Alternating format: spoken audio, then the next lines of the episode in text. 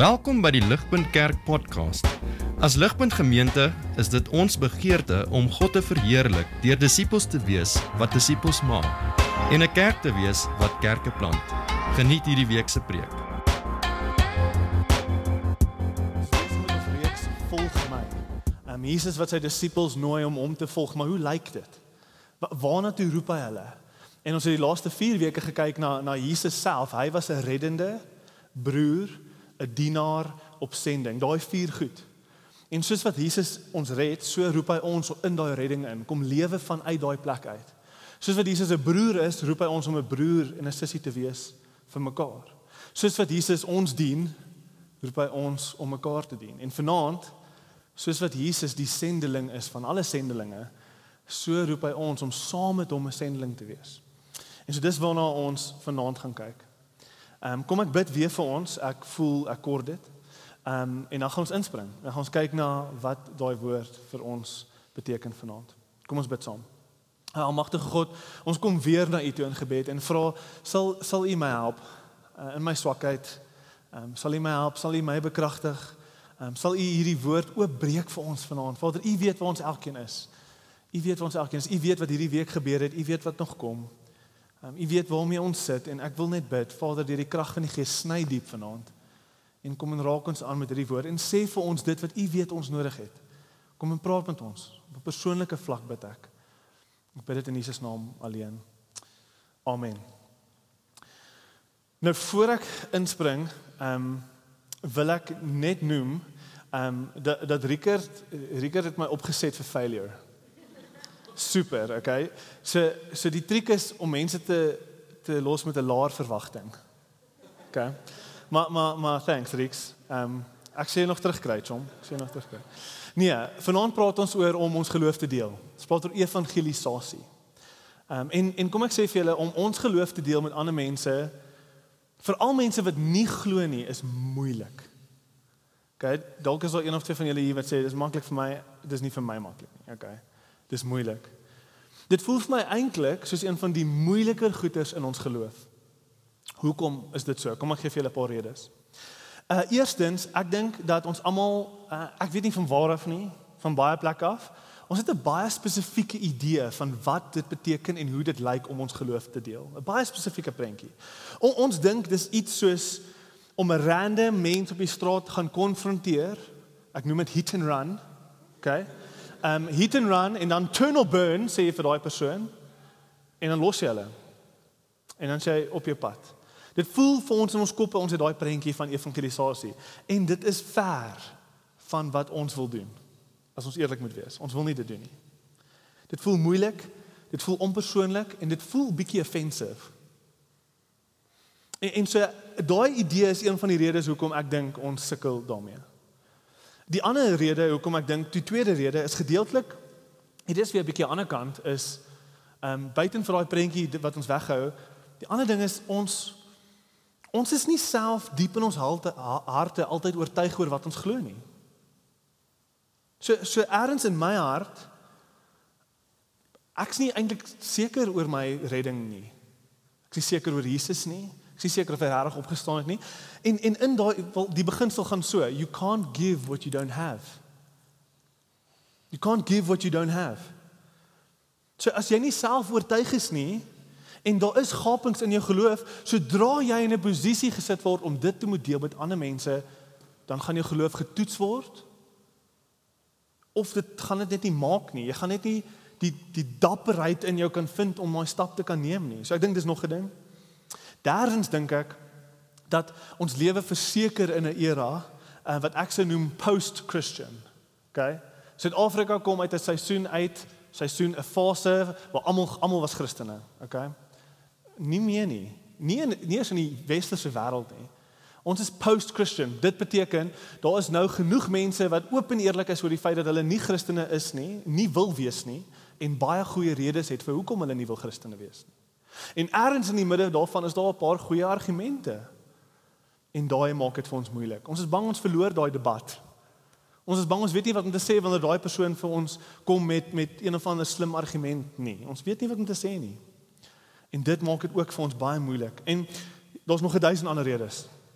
Daar's nog 'n duisend ander redes. Maar ons het 'n regtig lekker kort stukkie vanaand. En so ek wil julle wys net vanuit hierdie stukkie hoe Jesus vir ons bietjie duidelikheid kan gee in hierdie area. Uh, evangelisasie is iets waaroor ek voel baie gelowiges baie skuldig voel. Ons weet dit is belangrik, ons weet dit is sentraal, ons weet ons moet dit doen, maar ons weet nie hoe nie.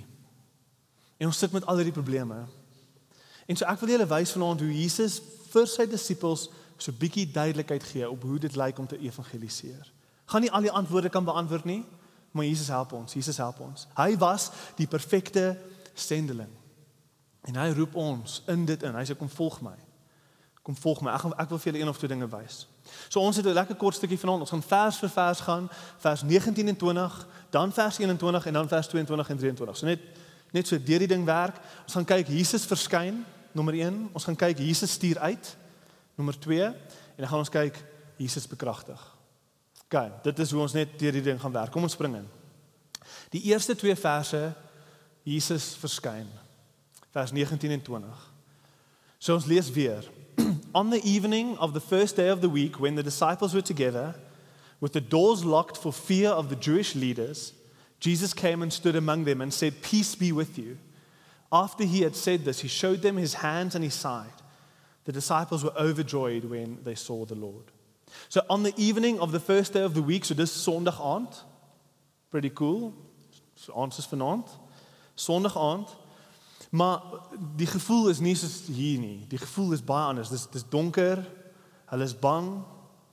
Hulle het hulle self toegesluit uh, in hierdie kamer. Jesus het homself klaar verskyn aan Maria, maar nog nie aan die disippels nie. En almal dink nog hy's in die graf. Almal dink nog hy's dood. Die die 11 disippels was verseker in die kamer hier betrokke.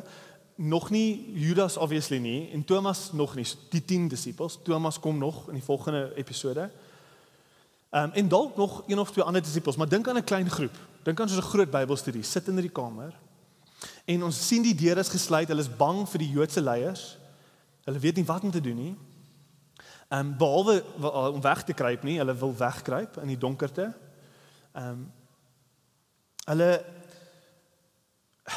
As ek vir jou sê hierdie ouens se lewe en se fondasie was geruk, dan dan bedoel ek dit. Okay? Alles wat hulle geken het, alles waaraan hulle vasgehou het, in een oomblik neergestort toe hulle Jesus sien hang aan die kruis. Um, en en dit maak baie sin dat hulle wil wegkruip want die logical conclusion is as hulle Jesus doodgemaak het, dan is ons volgende, ons was sy volgelinge. Okay, so so ons is volgende op die lys. So hulle hulle 3 jaar van hulle lewe gegee vir Jesus, hulle bang vir hulle lewens. In hierdie 3 jaar het, het was Jesus vreeslik beroemd. Jesus was die Messias. Hy sou die wêreld oorwin. Hy sou die wêreld red. Hy was supposed om om Israel te bevry van die Romeinse onderdrukking. En toe word hy gekruisig. Skielik voor hulle oë was Jesus gemartel deur dieselfde Romeinse soldate teen wie hy hy moes hulle bevry van die Romeine. En daar hang hy aan die kruis tot hy dood versmoor saam met twee ander kriminele. As ek sê hulle het alles verloor, dan bedoel ek hulle het alles verloor. Hulle sit hier in die vrees donkerte gesluit te kamer en hulle weet nie of hulle aan die einde van die week nog gaan lewe nie. Hulle sit ook daar met 'n reuse hoeveelheid skuld. Ek wil dink daaraan, hulle het weggehardloop vir Jesus toe hulle Jesus die desperaatste nodig. Jesus het hulle in daai oomblik meer nodig gehad as enigiemand anders. En in daai oomblik het hulle hom verlaat en weggehardloop. In daai atmosfeer van skuld en vrees en onsekerheid verskyn Jesus. En en en onthou die deur was gesluit. En as ek sê gesluit, bedoel ek daar was 'n houtbalk voor die deur gesit. En in die midde van hulle, nie nie by die deur nie, in hulle middel verskyn Jesus. In Lukas lees ons iemand het geskree spook ek sou dit ook dalk geskree het. Jesus verskyn net daar in hulle midde. Wat anders moet hulle dink? Die eerste woorde wat uit Jesus se mond uitkom is perfek vir die oomblik, soos altyd. Jesus sê in hierdie verskriklike atmosfeer sê Jesus peace be with you. Dis dis hy sê dit weer. Hy hy blaas dan sy asem op hulle. Hy wys hulle sy wonde en dan sê hy weer peace be with you. Dis dis baie significant dat Jesus sy asem blaas op hulle want hy hy het nie asem gehad nie. Hy was dood.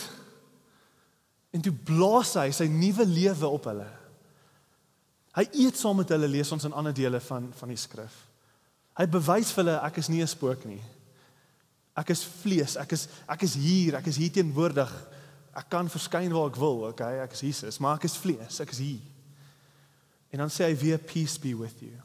Vir die disippels in hierdie oomblik sê Jesus, dis regtig asof asof hy vir hulle probeer sê julle kan nou rustig wees. Kan julle net hierdie vrede ontvang? Ek wil hê julle moet besef wat nou net gebeur het. Laat julle angs grond toe val. Die oorlog was geveg, maar ek het gewen. Vrede vir julle. Dis asof hy weer en weer vir hulle sê it is finished. Dis dit is gebeur. Alles het nou gebeur wat moes gebeur het. Ek is hier. Ek het opgestaan. Ek lewe. Inteendeel, julle het nie alles verloor nie, julle het nou net alles gekry. Sonde het nie meer mag oor julle nie. Die dood is iets waarvoor julle julle hoef nie meer die dood te vrees nie. Satan en al sy magte gaan nou van nou af vlug in julle teenwoordigheid. Gegeewe wat nou net gebeur het, ek lewe, ek staan op. Ek is hier, vrede vir julle. Ondiens ek ek dink ek dink ons as Christene is vandag baie soos die disippels hier. Ek dink ons kruip baie maklik weg agter ons eie metaforiese geslote deur sodat ons dag tot dag deur die lewe kan gaan en mense weet nie as ons is Christene nie. En ek dink ons is ook bang soos die disippels bang is. Ons is ook onseker en ons glo ook nie regtig nie. Dink dis waar ons is dink ons sit net so bang vir dalk vir ander redes. Dalk het ons elkeen ons eie redes, maar maar vrees is verseker betrokke soos wat ons agter ons geslote deure sit. Ek dink hoofsaaklik vir ons is die vrees wat gaan ander mense dink van my? Wat gaan ander mense dink van my as ek nou vir hulle moet sê van Jesus? Wat kort ons om wat kort ons? Wat wat is die oplossing hier? Ek dink ek dink die oplossing is presies wat ons sien. Ek dink ons kort wat die disippels hier ontvang. Ons kort dat Jesus aan ons moet verskyn. Ek dink ons kort 'n skokkende, radikale ervaring van die lewendige Jesus. Net soos wat die disippels hier ervaar het waar hy verskyn in hulle midde en hulle weet nie wat om daarmee te doen nie. Ek dink dis wat ons nodig het. Johan, wat op aarde bedoel jy? Net soos die vroeë disippels hier wat ons nodig het is is om net te besef ons moet weer sien, ons moet weer sien, ons moet werklik sien wie Jesus is. Dis wat die disippels doen. Hulle is hulle is geskok deur die realiteit. Jesus wys vir hulle sy hande en sy voete en sy sy. Hy wys vir hulle sy unieke wonde. Daar's twee goed wat gebeur toe Jesus sy wonde vir hulle wys. Aan die een kant is dit skok. Hierdie is die laaste ding wat hulle verwag het om te dink Jesus het uit uit die dood uit opgestaan. Hierdie is radikaal. Hulle wêreld is gebreek. Hulle verwagting, hulle hoe hulle dink die wêreld werk, alles is geshatter, okay? Maar boonop dit, die tweede ding wat Jesus doen deur sy deur sy wonder vir hulle te wys, is hy herinner hulle, ek het hierdie gedoen vir julle. Ek het hierdie gedoen vir julle. Die die wonde is pyn. Die wonde is seer, die wonde is oordeel. Oordeel wat ons verdien het weens ons sonde. Ons staan afgesny van God af. Ons staan in rebellie teenoor God. En Jesus wys sy wonde. Hy sê kyk, ek het in julle plek daai straf gevat. Ek het daai oordeel wat op julle moes land, het ek gevat. Hier's die bewyse daarvan. Hier's my wonde. Hier's my pyn, hier's my seer. Ek het dit verduur vir julle. Ons kort so ervaring van Jesus. Hoe lyk dit? Ek dink dit lyk anders vir almal. Ek dink dit lyk anders vir almal, maar ek glo vandag nog meer as ooit dink ek. Jesus se krag word gesien deur miljoene mense. Ek dink miljoene mense vandag ervaar die lewendige kragtige aktiewe Jesus. Hulle ervaar hom deur hoe hulle genees word van goeders wat geen ander persoon kon genees nie. Mense ervaar vir Jesus nou vandag hoe hy hulle uit die donkerste van gate, die donkerste van stories, hoe hy hulle uithelp en red. Hulle ervaar vir Jesus soos wat hy homself openbaar aan hulle harte. Hulle weet net dit was Jesus en hy lewe. Hulle weet dit net. En hulle sal hulle lewe gee om om dit te verdedig. Ons sien dit hoe Jesus in drome verskyn aan mense, moslems reg oor die wêreld. Hoe hulle radikale liefde wys. Miljoene mense wêreldwyd kan getuig dat ergens op hulle eie unieke manier ervaar hulle Jesus, die lewendige Jesus sê vir hulle peace be with you. In jou angs en jou vrees en jou gebrokenheid kom na my toe. Vrede vir jou. Miljoene mense ervaar Jesus. Hulle ervaar werklike vergifnis vir hulle sondes. Hulle verander. Hulle wat eendag het hulle so gelyk en nou lyk hulle so en niemand kan verklaar hoekom buiten vir daai persoon wat sê ek het vir Jesus ontmoet nie. Jesus lewe en reg oor die wêreld getuig sy disippels dat hy lewe. Hy is met ons. Hy het opgestaan uit die dood uit. Hierdie is die mense wat kan evangeliseer. Aandiens, die vraag is, is ons oortuig van Jesus? Is ons oortuig oor sy wonde vir ons? Is jy oortuig dat Jesus vir jou sonde doodgaan? Jy wat hier sit vanaand met jou eie gebrokenheid, met jou eie gemors, met jou eie skuld, met alles wat jy haat van jouself. Is jy oortuig dat Jesus wys sy wonde vir jou en hy sê ek het hierdie vir jou gedoen? Aandiens, is jy oortuig Jesus lewe? Want ek sê weer vir jou, we can't give what we don't have. Ons kort 'n ervaring van die lewendige Jesus vir ons enigstens, 'n hoop, 'n kans kan staan om dit te kan gaan deel met ander mense. As ons deur die vrees wil breek van ons geslote deure en as ons daai deur wil oopmaak, dan moet ons vanaand bid vir so 'n ervaring van Jesus. Ons moet bid vir 'n ervaring van Jesus wat ons sal oortuig hy's hier, hy lewe en hy het werk vir ons om te doen. Jesus sê, uh, everyone who asks receives. The one who seeks finds. The one who knocks, the door will be opened. As ons die real Jesus vir die wêreld wil kan verkondig, dan moet hy real wees vir ons. En ek sê net hy kan dit doen. Net hy kan dit doen. Ek kan kom met al die argumente. Daar's vreeslik baie goeie goeie argumente wat bewys dat Jesus regtig uit die dood uit opgestaan het. Wat bewys Christendom het bewyse soos geen ander nie. Maar ek sê weer, daai argumente is een ding vir daai hoop om uh, uh, iets binne jou te kom doen, net God kan dit doen. Net God kan dit doen. En en ek wil vir julle sê as jy kom as jy nie is hier vanaand as, as jy nog nie seker is waar jy staan met Jesus nie.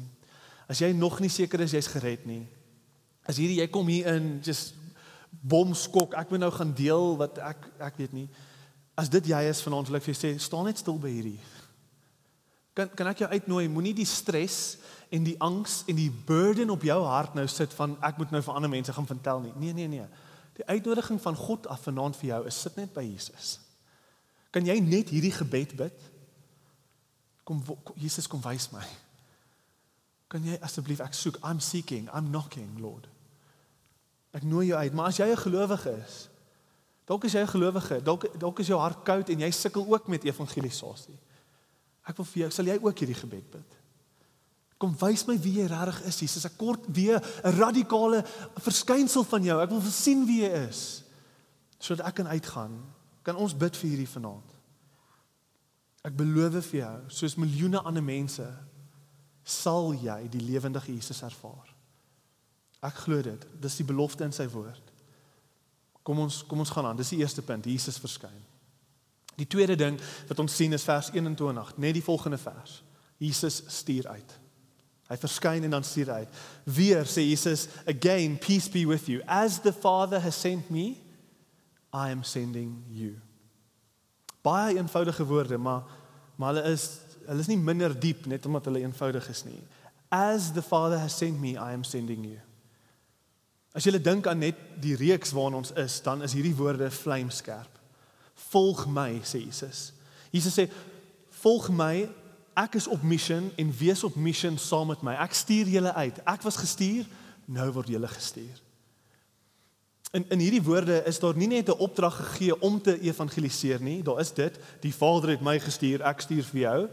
Die opdrag is daar, maar daar's meer. Kyk mooi. Daar's ook 'n patroon vir evangelisasie in hierdie woorde, 'n patroon. Soos die Vader my gestuur het. Ek stuur julle so. Sien julle dit? Daar's daar's twee goeders, daar's 'n opdrag, maar daar's ook 'n patroon. As I am, so you must be. Ek wil ek wil dis in die patroon waar die goud lê. Okay, in daai patroon wat Jesus ons uitnooi om te volg. Dis wat die goud lê. En ek wil julle vir 'n oomblik uitnooi. Kan julle vanaand net alles wat jy dink oor evangelisasie, kan jy dit net uit jou kop uithaal?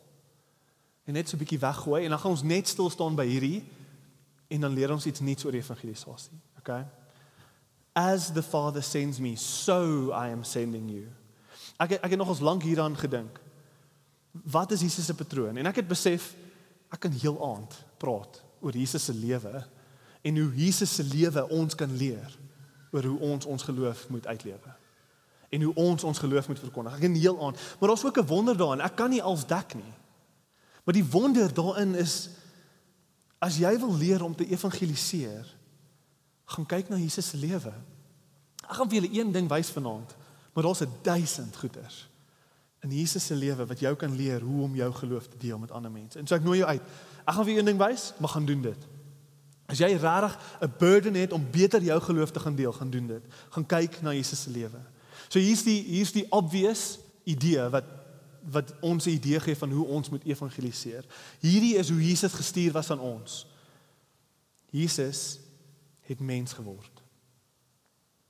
Net stil staan by dit. Toe die Vader die Seun gestuur het, toe gee die Seun sy glorieryke lewe in die hemel op. OK, hy laat dit gaan, al die voorregte daarvan, hy laat dit gaan. Hy hy hy kom neer, hy daal neer na ons vlak toe. Hy kom nie in die vorm van 'n magtige engel of 'n massiewe aardbewing met 'n stem wat vir die wêreld wil kom sê wat ons alles verkeerd doen nie. Hy doen nie dit nie. Hy kom nie selfs eers as 'n magtige koning nie. Nee, hy kom nederig. Jesus kom arm na ons toe, gebore in 'n stal met 'n donkie. Kyk, dis Jesus. Hy hy het letterlik ons vlees aan homself gesit. En, en met dit bedoel ek daar's baie dinge wat ons vlees ongemaklik maak. Baie dinge. Dink gou daaraan. Hy het pyn ervaar. Hy het honger geword. Hy het siek geword. Hy het gehuil, hy het gesukkel. Hy het hy het gesukkel. Hy het gevoel hoe voel dit om swak te wees. Ek kan nie al hierdie goeders optel nie. Ek sukkel. Ek kan nie, ek weet nie. Ek het ehm um, ek ek het net gisterand begin om die chosen te kyk. Weet julle wat dit is? Net okay, great. It's fine. Google it. Ehm um, dis dis 'n reeks wat gaan oor Jesus se lewe. Uh the chosen. Baie goed. Ehm um, ek het net begin nou. Almal het dit al gekyk. Ek's bietjie agter. Maar ons hierdie amazing scene van Jesus wat soos 'n stokkie het en hy begin soos dit so vryf om vuur te maak. Om letterlik vuur te maak dat ek 'n warm kry. En en dan die volgende sien het hy soos 'n sny op sy arm van erns het sy hand gegly. As ek sê Jesus het homself in ons skoene kom sit, dan dan bedoel ek dit. Hy het letterlik om sukkel saam met ons. Daar's en ons iets wat ons hier uit kan leer vir ons eie evangelisasie. Um, ek kan dit nie beter stel as as hierdie ou nie. Hierdie ou se naam is John Stott baie bekende leraar. Uh, en so kan ek kan ek dit vir ons lees. Hierdie is wat John Stott sê ons kan leer uit Jesus wat neergedaal het en homself in ons skoene kom sit. Hoor wat sê John Stott. Uh, hy komment op hierdie verse as the father sent me so I'm sending you. Hy sê I personally believe that our failure to obey the implications of this command wat ons net oor gepraat het as the father sent me so I'm sending you. Um our failure to obey the command uh, the implications of this command is the greatest weakness of evangelical Christians in the field of evangelism today. We do not identify. We believe so strongly and rightly in proclamation, we tend to proclaim our message from a distance. We sometimes appear like people who shout advice to drowning men from the safety of the seashore. We do not dive in to rescue them. We are afraid of getting wet, and indeed of greater perils than this.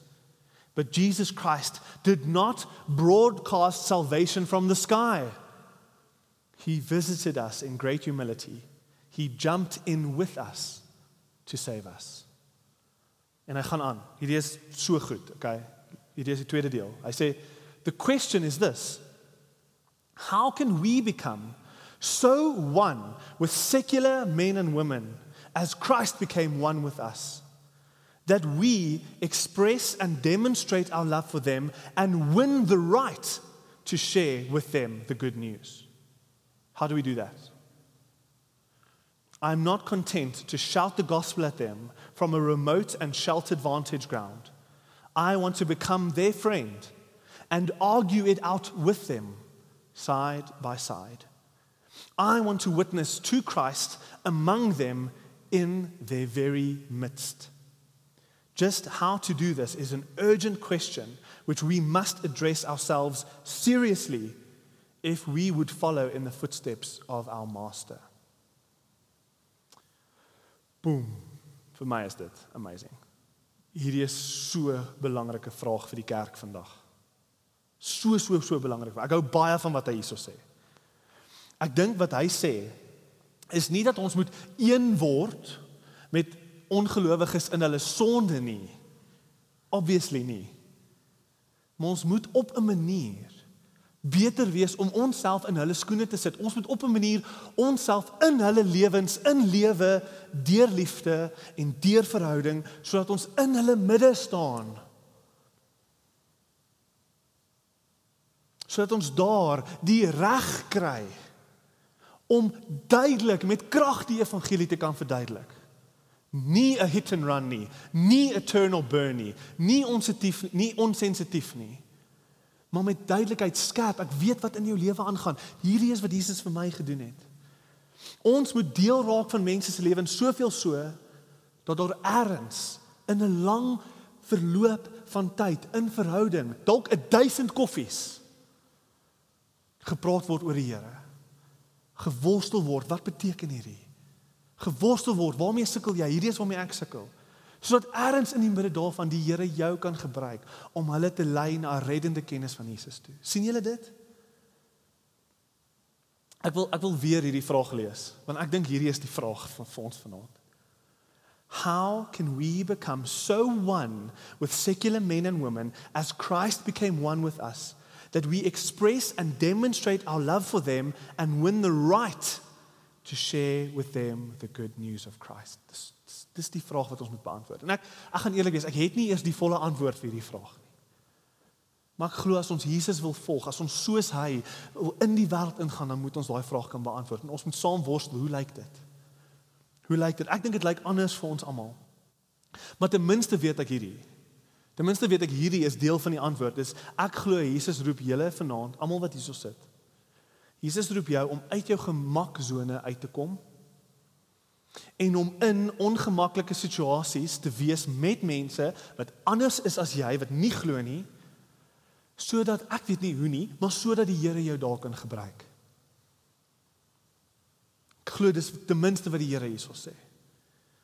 Ons kan nie dink dat ons van buitekant af iets van waarde gaan deel met mense as ons nie self verstaan waar hulle sit nie. Dis Jesus se patroon. Ons kan nie die wêreld bereik vanuit veilige Christian bubbles nie. Ons kan nie. En natuurlik sê ek nie ons moet ons Christelike vriende laat gaan nie. Jou Christelike vriende is belangrik. Maar ons kort, ons kort hierdie, ons moet uit hierdie uittreë. As daar verhoudings as ek, ek wil jou vra oor die verhoudings in jou lewe. Kom ons begin net daar. Waar is die verhoudings in jou lewe waar jy klaar die reg het? Want jy daai persoon weet jy's eerste lief vir hulle ongeag wat hulle glo. Jy's eerste lief vir hulle. Waar is daai mense in jou lewe wat jy die reg voor al klaar het om met hulle die evangelie te kan deel? Waar's daai mense? Wie is dit in jou lewe? Kan kan ons daar begin? En ek beloof vir jou die Here het werk vir jou daarom te doen. Ek beloof vir jou die Here het werk daarom te doen. Ek ek, ek wil net ons dis die vraag. Ek wil dit net daar los.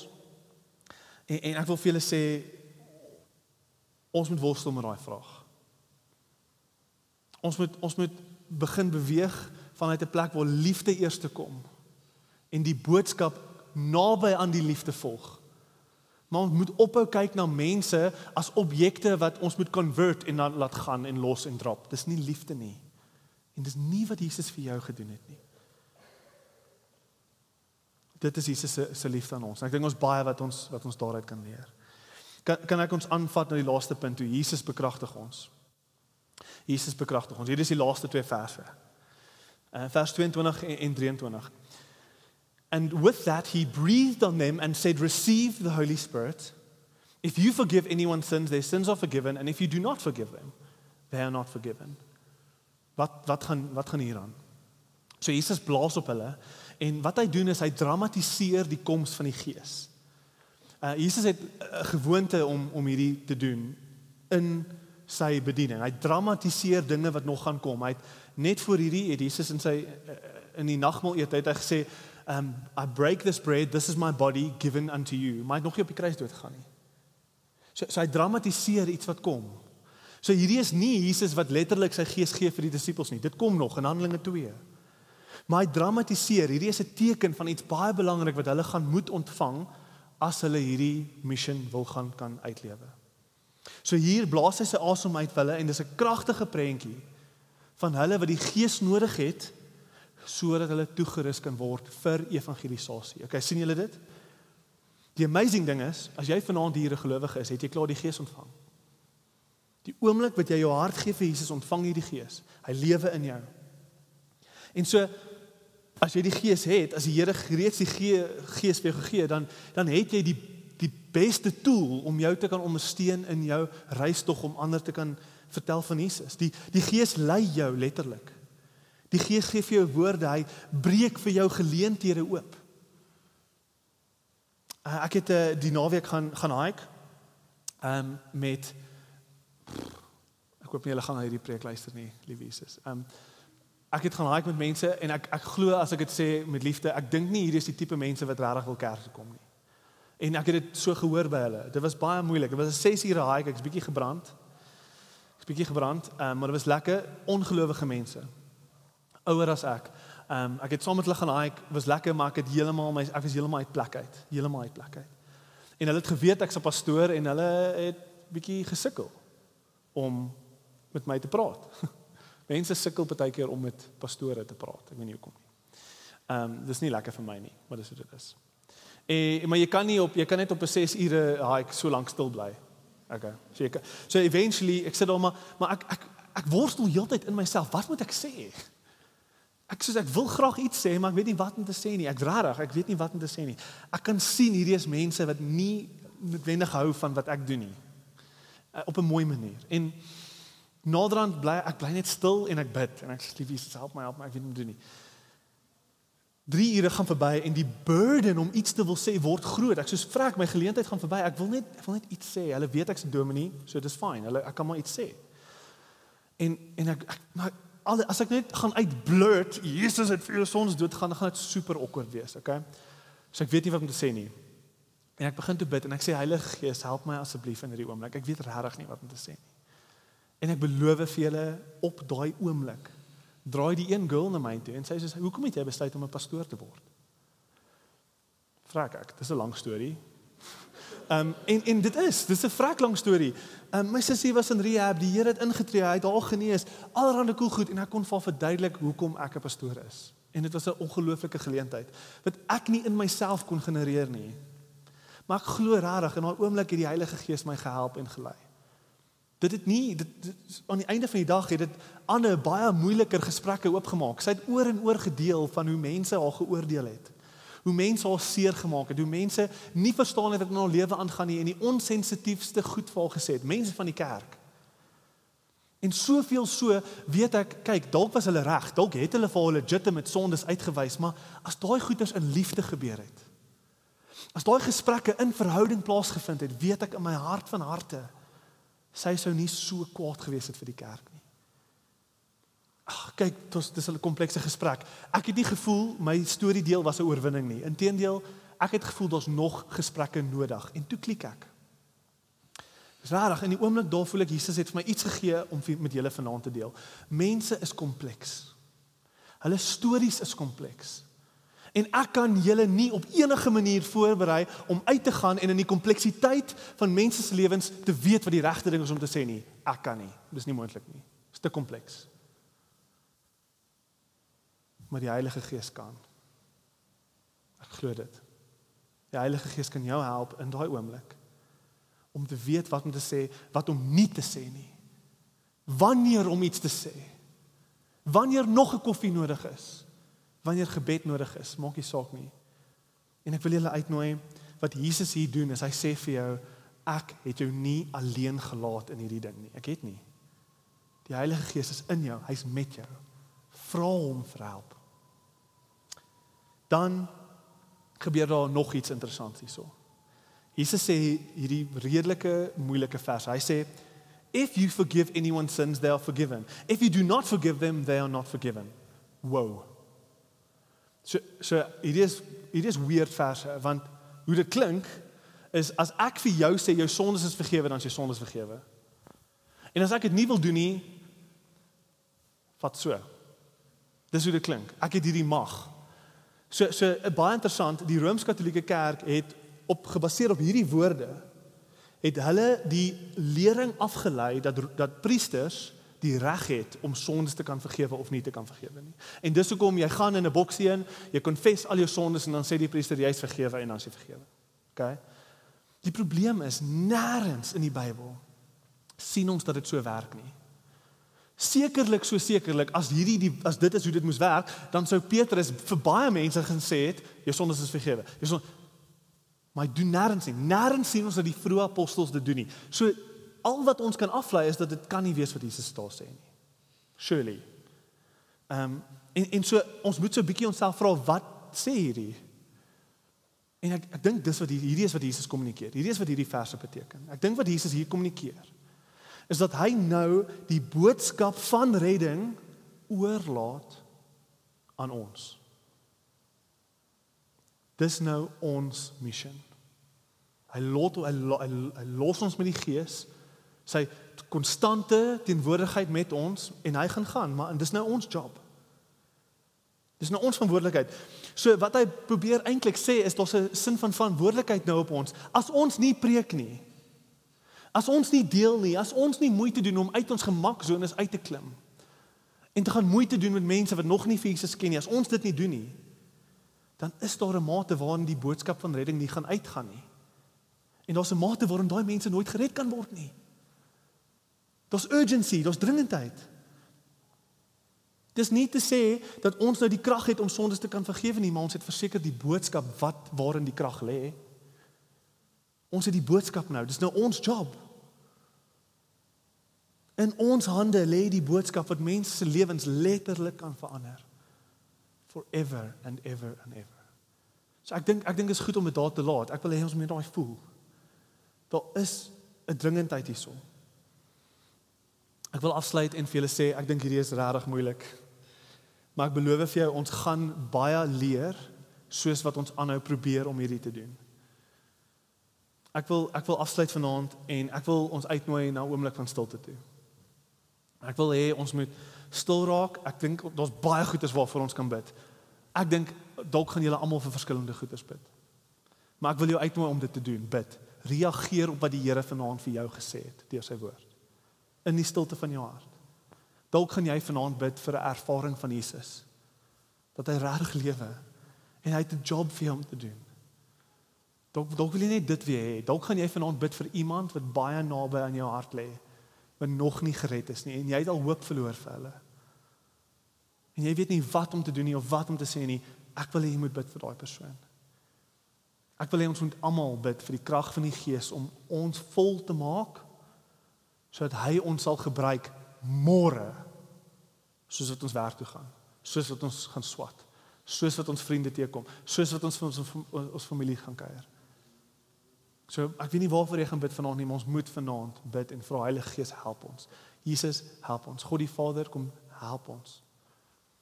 So oomblik van stilte. Ek gaan vir ons afsluit as ons klaar gebid is, maar kom ons bid almal saam. Kom ons bid.